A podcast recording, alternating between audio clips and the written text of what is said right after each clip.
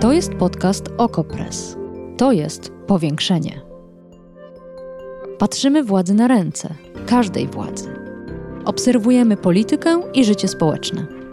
Ustalamy fakty, komentujemy wydarzenia i przede wszystkim rozmawiamy z Wami i z naszymi gośćmi. Zapraszam, Agata Kowalska.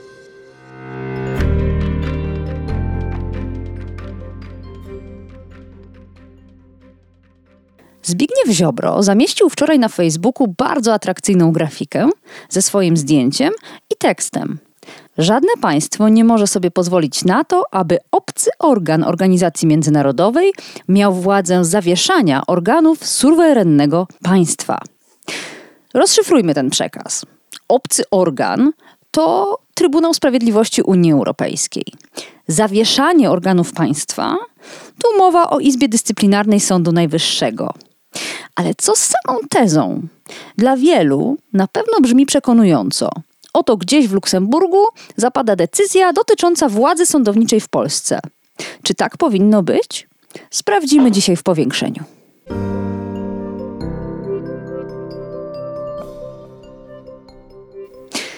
A naszym gościem jest mecenas Mirosław Wrublewski, radca prawny i dyrektor Zespołu Prawa Konstytucyjnego, Międzynarodowego i Europejskiego w Biurze Rzecznika Praw Obywatelskich. Dzień dobry. Dzień dobry pani redaktor, dzień dobry państwu. Na początek proste, ulubione przez prawników pytanie. Co próbuje osiągnąć Prawo i Sprawiedliwość w kontekście systemu sędziowskiego w Polsce? Celem w ogóle deklarowanej e, reformy wymiaru sprawiedliwości czy zmian w sądownictwie było przyspieszenie postępowań e, sądowych i, w, e, jak rozumiem, wzmocnienie niezależności sądów.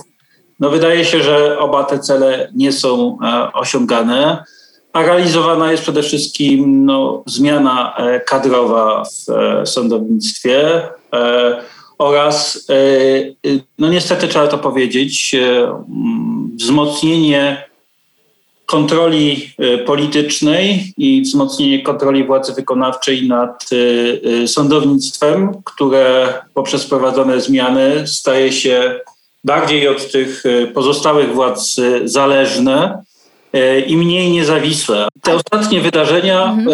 Można chyba tylko odczytywać jako no, próbę, próby ratowania tych zmian ze strony władzy i uratowania ich w kontekście no właśnie krytycznej oceny przez przede wszystkim Trybunał Sprawiedliwości Unii Europejskiej. Sędzia Stanisław Biernat w Okopres powiedział, że to, co próbuje osiągnąć Prawo i Sprawiedliwość, to nieuznawanie orzecznictwa TSUE w kwestii niezależności sądów i niezawisłości sędziów.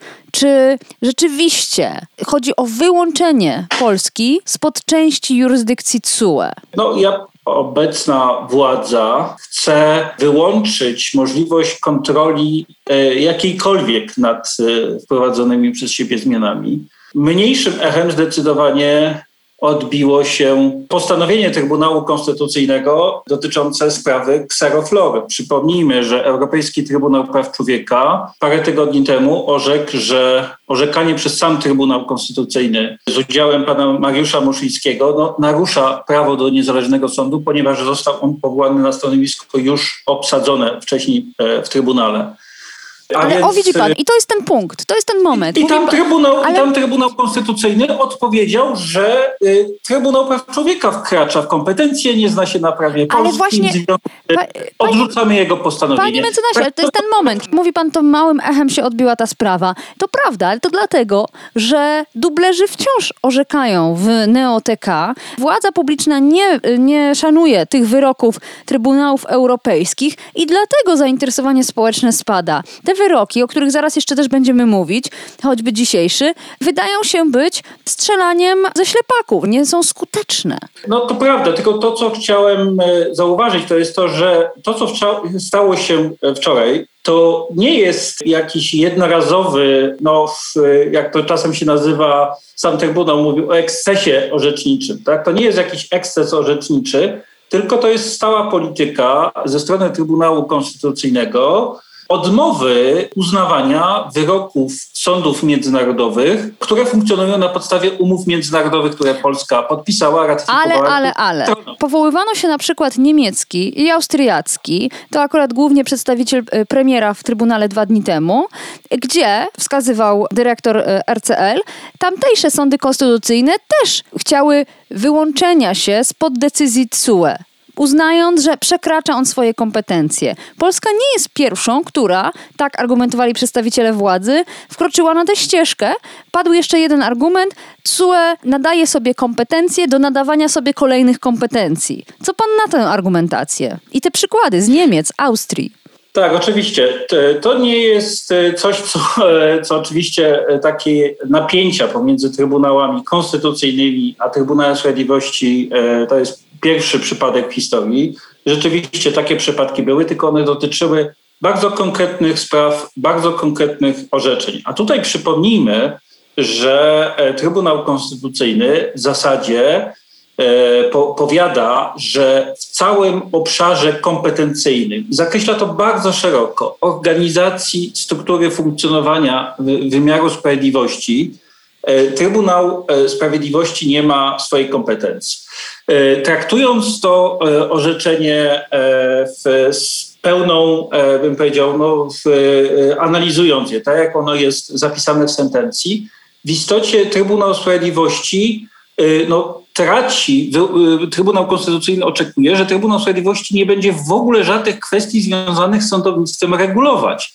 A przecież to jest gigantyczny obszar współpracy y, sądowej w sprawach cywilnych, y, gospodarczych, karnych, rodzinnych, nie tylko i wyłącznie organizacji, bo jeżeli mówimy o ustroju sądownictwa, to to za chwilę okaże się, że w każdej takiej sprawie której biorą udział polskie sądy, y, no to można powiedzieć, to dotyczy y, to orzeczenie Trybunału y, Konstytucyjnego i w ten sposób ta sytuacja jest zupełnie odmienna od tych pojedynczych konfliktów rzeczywiście sądów konstytucyjnych, bo one dotyczyły konkretnych, zindywidualizowanych spraw, a konfliktu nad całym obszarem kompetencyjnym i w tym zakresie no to jest jakościowo zupełnie inna, inna decyzja. Wróćmy jeszcze na chwilę do słów Zbigniewa Ziobry, który obok tego pięknego zdjęcia, które opisywałam na początku, dołączył jeszcze notatkę. Chciałbym z satysfakcją przyjąć orzeczenie Trybunału Konstytucyjnego, który stanął na gruncie ochrony polskiego porządku prawnego przed bezpodstawną ingerencją unijnych organów. To Konstytucja RP jest aktem prawnym, który stoi ponad prawem Unii Europejskiej. I ten argument w, w Trybunale na Alwalej Szucha padał wielokrotnie. E, co mnie zdumiewało, ponieważ e, no, nie jestem prokuratorem generalnym, nie jestem konstytucjonalistką, ale w liceum miałam lekcję wiedzy o społeczeństwie i tam kolejności obowiązywania aktów prawnych uczono nas w klasie chyba drugiej. Mam wrażenie, że to albo Zbigniew Ziobro się myli, albo ja wyjmując poszczególne zdanie, to znaczy zdanie, że konstytucja jest najwyższym prawem Rzeczypospolitej Polskiej, pojedynczo to zdanie jest prawdziwe, ale Konstytucja nie składa się z jednego przepisu. Konstytucja składa się z całego zestawu tych przepisów i zawiera ona także przepisy dotyczące przystępowania do organizacji międzynarodowej i przekazywania no kompetencji oraz niezwykle istotny artykuł 9, który mówi, że Rzeczpospolita przestrzega wiążącego ją prawa międzynarodowego. Trybunał Konstytucyjny w tej wczorajszym wyroku przypisał sobie, e, no tutaj można mieć wątpliwości co do takiego uprawnienia, przypisał sobie kompetencję wyłączenia stosowania trzech przepisów Konstytucji. Artykuł 91 e, ustęp 1 do 3, e, które mówią właśnie o przekazywaniu kompetencji organizacji międzynarodowej, jaką jest Unia, i te przepisy, które mówią o pierwszeństwie e, e, właśnie tej umowy traktatów unijnych nad e, no konstytucją. To są takie przepisy operacyjne.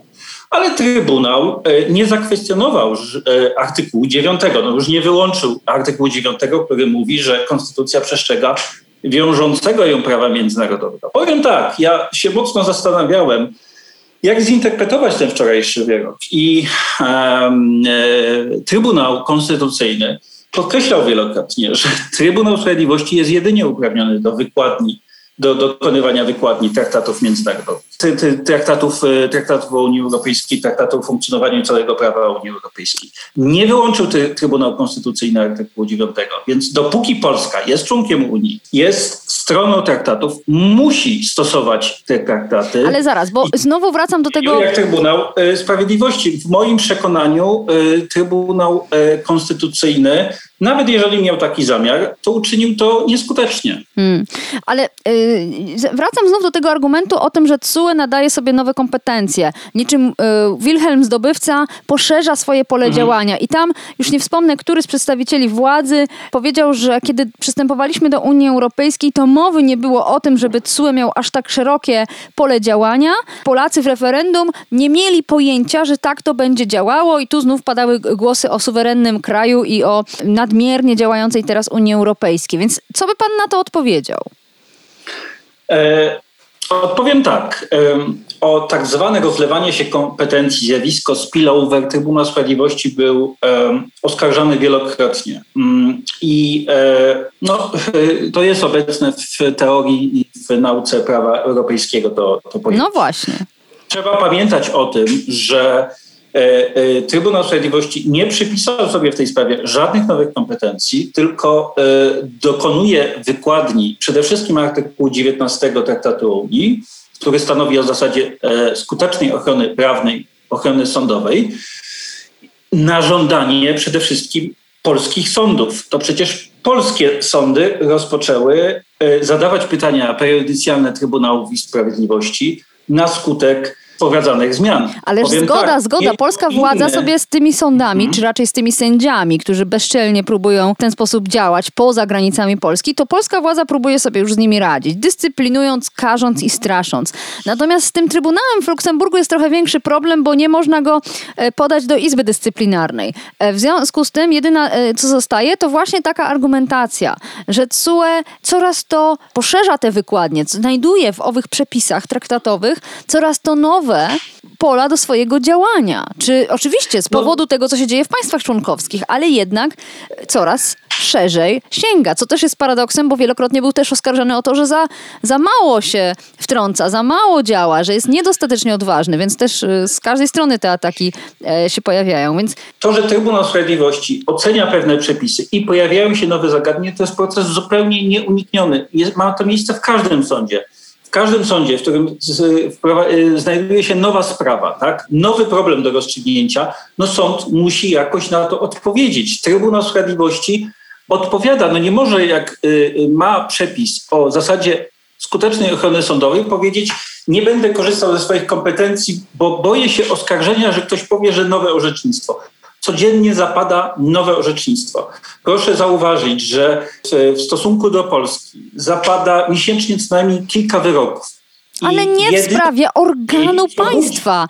Dzisiaj, dzisiaj, właśnie, wróćmy do dzisiejszego poranka. Trybunał Sprawiedliwości Unii Europejskiej głosem Marka Safiana ogłosił, że cały system dyscyplinarny wobec sędziów polskich jest niezgodny z zasadami Unii Europejskiej. To nie jest jedna sprawa jednego sędziego. To jest ogromny wyrok obejmujący potężną część polskiego systemu prawa. Polski rząd. Dobrze, okej. Okay. To podam taki, podam inny przykład. Kilka lat temu temu Trybunał Sprawiedliwości orzekł, że zmiany dotyczące organizacji, kadencji organu ochrony danych osobowych na Węgrzech mhm. są niezgodne z prawem unijnym. Mhm. Wszystkim chodziło o skrócenie kadencji.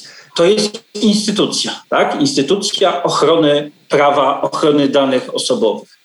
E, Polska nie tylko e, nie protestowała, powiedzmy, że to było jeszcze przed rządami obecnego rządu, ale przecież za tego rządu miała miejsce zmiana organizacji Urzędu Ochrony. Generalny Inspektor Ochrony Danych Osobowych przekształcił się w prezesa Urzędu Ochrony Danych Osobowych.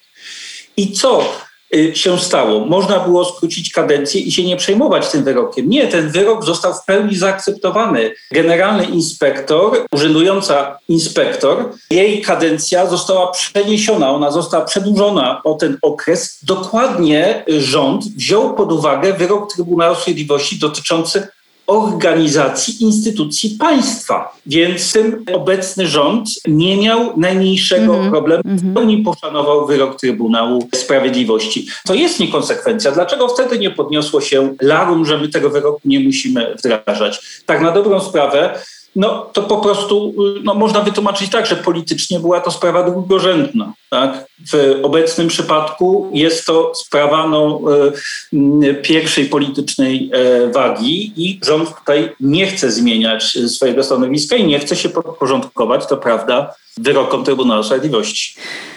Wielu komentujących, w tym niestety ja, uważa, że te ostatnie dni to jest być albo nie być Polski w Unii Europejskiej. Nasze członkostwo się sypie to nie jest tak, że wychodzimy z Unii.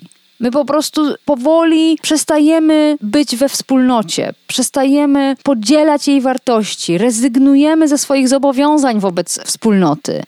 I zastanawiam się, czy Pana zdaniem ja i ci pozostali dramatyzujemy, ja nie jestem komentatorem życia publicznego, e, tylko staram się patrzeć na to z perspektywy, no, taką jaką z zawodu, który wykonuje radcy prawnego i dyrektora w Biurze Rzecznika Praw Obywatelskich. Rzeczywiście ochrona praw na obywateli jest osłabiona. Tak? Jest osłabiona nie tylko poprzez wyłączenia standardów europejskich, ale poprzez e, no, chaos prawny, który powstaje. Tak? Chaos prawny, który no, w sposób nieunikniony powstaje mm, na skutek, e, no, mówi się o tym, e, politolodzy mówią o podwójnym państwie. No, nie ma dzisiaj takiej pewności, tak? jaki standard zostanie zastosowany w sprawie i czy obywatel na pewno ma, będzie mógł liczyć na niezależny, na niezależny sąd. Oczywiście ta sprawa dotyczy systemu, systemu sądownictwa. Chciałbym wierzyć, że ona nie jest przejawem y, szerszej tendencji wypowiadania posłuszeństwu w ogóle Unii Europejskiej.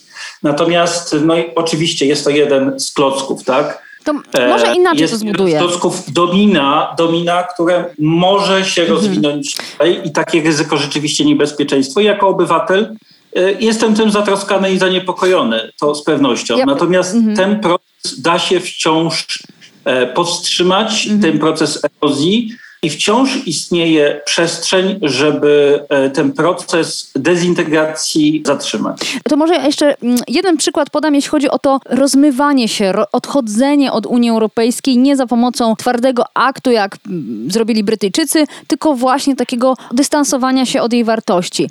A przykład ten dotyczy tego, jakie będą skutki wyroku TSUE. Powołam się na swoją redakcyjną koleżankę Annę Wójcik, która pisała w Okopres tak. Wyroki TSUE dają polskim sędziom prawną podstawę do niestosowania przepisów uchwalonych przez Zjednoczoną Prawicę. Tu chodzi oczywiście o e, system e, dyscyplinarny. Zastanawiam się, czy ona ma rację, czy to sądy powszechne będą teraz kluczowe, innymi słowy, czy to one są tą kotwicą, która może nas jeszcze utrzymać w zbiorze wartości unijnych. Czy to znów wszystko zawiśnie na odwadze pojedynczych sędziów? Eee, na pewno sądy, nie tylko sądy powszechne, ale sądy administracyjne, Sąd Najwyższy, każdy sąd będzie pewnie e, konfrontowany z koniecznością e, przyjęcia i podejmowania decyzji, e, trudnych decyzji, w tym dotyczących właśnie odpowiedzialności dyscyplinarnej trzeba jednak podkreślić, bo to jest coś, co, o czym zapominamy. Do stosowania prawa unijnego zobowiązane są nie tylko sądy, ale każdy organ władzy publicznej e, w państwie członkowskim. Ale, ale, ale, panie mecenasie, również każdy sąd dawniej był zobowiązany do bezwzględnego szanowania wyroków Trybunału Konstytucyjnego. I teraz mamy taki dramatyczny wybór. Sędzia musi zdecydować, to w końcu uznaje tę decyzję NeoTK o tym, że CUE nie ma prawa wtrącać się do naszego systemu sądownictwa, czy też uznaje drugą stronę, że oto Luksemburg zdecydował, system dyscyplinarny jest niezgodny z prawem unijnym. Tutaj jest chyba zero-jedynkowy wybór, prawda? Pozornie jest to wybór rzeczywiście zero-jedynkowy. E, proszę mi teraz wybaczyć trywialność porównań, e, bo te porównania są zawsze, ale e, mniej lub bardziej trafne. Wczoraj sędzia Laskowski porównał do, ten wyrok Trybunału do takiego decyzji, że oto polski sąd mówi, że nie będziemy w mistrzostwach piłki nożnej stosować się do przepisów o spalonym E, ja porównam to tak. Taki wybór to jest jak e, kogo bardziej kochasz, mamusie czy tatusia. Otóż to. Otóż to. A podczas gdy wiemy, no, że z zasady dziecko będzie kochać obu rodziców. I stawianie, bym powiedział, w ogóle powiedzielibyśmy dziecka przed takim pytaniem jest w stosunku do niego wysoce nieuczciwym no wręcz niemoralnym, amoralnym. Taki los sędziów. Dylematem. Hmm. E, oni będą musieli we własnym sumieniu podejmować, e, podejmować No taki tą, to jest e, zawód, prawda? To jest taka praca. Tak. Po to mają wszelkie gwarancje swojej niezawisłości, żeby takie, na takie wyzwania odpowiadać. No, może nie wiedzieli, e, że będą mieli do, do czynienia z takimi wyzwaniami, ale powiem brutalnie, no, po to mają swoje przywileje, e, wynagrodzenie, stan spoczynku, e, przeróżne gwarancje tej niezawisłości, żeby rozważali takie sytuacje. Nawet jeżeli to się skończy sankcjami, jak widać, mają wciąż oni środki prawne, żeby potem tą sytuację przywracać. Przypomnijmy też, że może to zabrzmi proszę wybaczyć źle, ale to nie jest tak, że w Izbie Dyscyplinarnej zasiadają jakieś same potwory. Tak? Kilkukrotnie Izba Dyscyplinarna podjęła decyzję, którą byśmy tak w odczuciu społecznym uznali za uczciwą i sprawiedliwą. Za, za niezgodną tak? z wolą partii pierwszej instancji uchylenia tak. immunitetu tak. sędzi Tulei. Odmowę nie... uchylenia immunitetu sędzi Morawiec. Tak. Znowu, to wszystko nie jest, bym powiedział, tak już na 100% prze, przesądzone. W związku z tym, powiem tak, to nie można bym powiedział powiedzieć, że wszystko, że już jest zagrabione, zaorane, Trybunał Konstytucyjny to, to wszystko zadeptał. Mhm. Nie. Wciąż pozostaje, bym powiedział, pole do stosowania prawa zgod jednocześnie zgodnie z konstytucją i zgodnie z traktatami unijnymi. Powtórzę, artykuł 9 konstytucji przez nikogo nie został wyłączony. Mówi, że Polska przestrzega wiążącego ją prawa międzynarodowego. Dopóki jesteśmy członkiem Unii Europejskiej, musimy przestrzegać prawa Unii. Ale e, przejdźmy teraz na poziom konkretu, realiów. Po dzisiejszym porannym wyroku Trybunału Sprawiedliwości Unii Europejskiej dotyczącego systemu dyscyplinarnego w Polsce, Izba Dyscyplinarna powinna po prostu przestać działać? No tak wygląda to, y, to zabezpieczenie. Rzeczywiście to jest oczekiwanie skierowane w stosunku do y, Izby Dyscyplinarnej. Ja wczoraj wysłuchałem ciekawej rozmowy z panem sędzią Falkowskim, Piotrem Falkowskim, który nie chciał odpowiedzieć na, na pytanie, jak zachowa się Izba Dyscyplinarna. Pamiętajmy, że ona także działa nie tylko w odniesieniu do sędziów, ale do wielu innych zawodów prawniczych, więc ona nie przestanie działać zupełnie. E, ona rozstrzyga kwestie odpowiedzialności dyscyplinarnej prokuratorów, adwokatów, e, radców prawnych. I to wolno jej robić. To wolno jej robić i pamiętajmy, to nie jest tak, że e, jakby no w sumie prezentują tak to politycy, wspomniała pani ministra sprawiedliwości, to nie jest tak, że Trybunał Sprawiedliwości powiedział, zawieszamy działanie konstytucyjnego organu państwa. Nie, zawieszamy jego działanie w tym obszarze dotyczącym sędziów. Więc to nie jest, bym powiedział, ta bitwa nie wygląda, bym powiedział, tak, e, nie, nie ma tak gigantycznych rozmiarów, jak to e, e, wszyscy nam tutaj naokoło, naokoło prezentują. Ona dotyczy bardzo istotnego fragmentu działania, ale może jest to, nie wiem, oceniając ilościowo, jedna trzecia czy jedna połowa obszaru działalności tej Izby. Natomiast no, postanowienie Trybunału Sprawiedliwości jest jednoznaczne i jeżeli e, Izba Dyscyplinarna będzie pamiętać o artykule 9, no to będzie musiała także i osoby tam zasiadające, no będą musiały w swoim sumieniu rozstrzygnąć i będziemy tę decyzję oczywiście oceniać, które standardy e, zastosują. W momencie, kiedy rozmawiamy, Rzecznik Praw Obywatelskich Adam Bodnar żegna się ze społeczeństwem. Właśnie zorganizował konferencję prasową, uczestniczą w niej dziennikarze. To jego pożegnanie, to jego ostatni dzień w Biurze Rzecznika Praw Obywatelskich. Jeśli pan pozwoli, w takim razie na pana ręce złożę życzenia dla całego Biura Rzecznika Praw Obywatelskich, aby zachowało pod nowym szefostwem pamięć i ciągłość instytucjonalną, a zarazem stabilność, bo tego bardzo, bardzo potrzebujemy.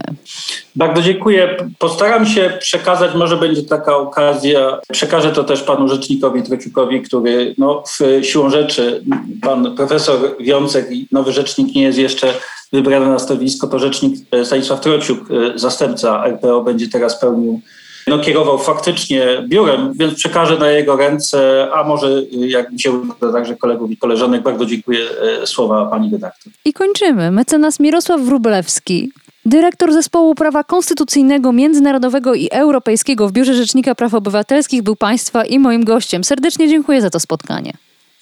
Bardzo dziękuję Pani redaktor, dziękuję Państwu. Powiększenie. Podcast Okopres. Prowadzenie Agata Kowalska. Podcast znajdziesz na stronie Okopres i w Twojej ulubionej aplikacji do podcastów. Redakcja Okopres działa od 2016 roku. Jesteśmy obywatelskim narzędziem kontroli władzy, obecnej i każdej następnej. Okopres utrzymuje się z Waszych darowizn.